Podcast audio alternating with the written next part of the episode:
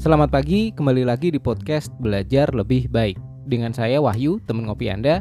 Kali ini temanya adalah mengenai memperkaya peta navigasi. Beberapa waktu lalu dari pulang kampung bareng istri, setelah sudah lama sekali tidak memungkinkan, dan kebetulan ada kesempatan untuk berkunjung mampir ke tempat teman lama, saya sudah dapat koordinat lokasinya di GPS, dikirim pakai WhatsApp, terus cek arah navigasinya pakai aplikasi Maps, Teman juga sudah ngirim message mengenai patokan lokasi, foto pertigaan, belokan, perempatan, dan sebagainya. Tapi karena satu dan lain hal kurang konsen baca map sambil nyetir, lokasinya nggak ketemu. Sampai masuk ke gang sempit, mepet-mepet tembok, bablas ke kampung sebelah, dan sebagainya. Kondisi sudah sore banget, dan itu sudah dari sebelum subuh nyetir, jadi capek, nyasar pula, pengen langsung batalin, balik, terus istirahat aja.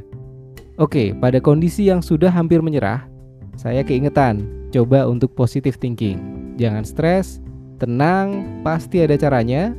Muter balik dulu, saya info ke temen, posisi nyasarnya saat ini di mana sih? Gak lama kemudian dia telepon dan dia nungguin di salah satu titik patokan yang gampang dicari. Dan ternyata dari tadi saya sudah lewat jalur yang benar ke lokasi.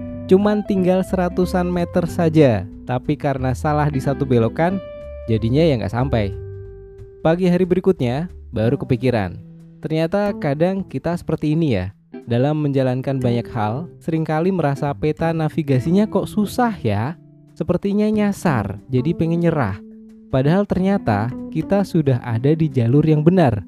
Tapi karena tidak ada yang bisa mengkonfirmasi, jadinya susah untuk tahu apakah ini benar atau tidak. Yes, kita perlu panduan navigasi dari orang lain yang sudah paham jalurnya, yang lebih tahu. Informasi yang kita sudah tahu seperti data GPS tadi sering kali masih kurang. Penerapan di lapangan bisa jadi ada yang berbeda. Untuk itu kita perlu menambah info dari orang yang lebih tahu lewatnya jalur mana. Jadi dalam hidup kita perlu untuk memperkaya database peta navigasi kita dengan belajar dari pengalaman orang bisa dari langsung ngobrol, mendengarkan sharing, atau mungkin membaca bukunya. Ada banyak sekali caranya. Tapi itu tadi yang penting, kita perlu untuk banyak belajar dari pengalaman orang. Itu saja untuk kali ini. Stay safe, tetap semangat. Silahkan dilanjut ngopinya. Sampai ketemu di episode berikutnya. Bye.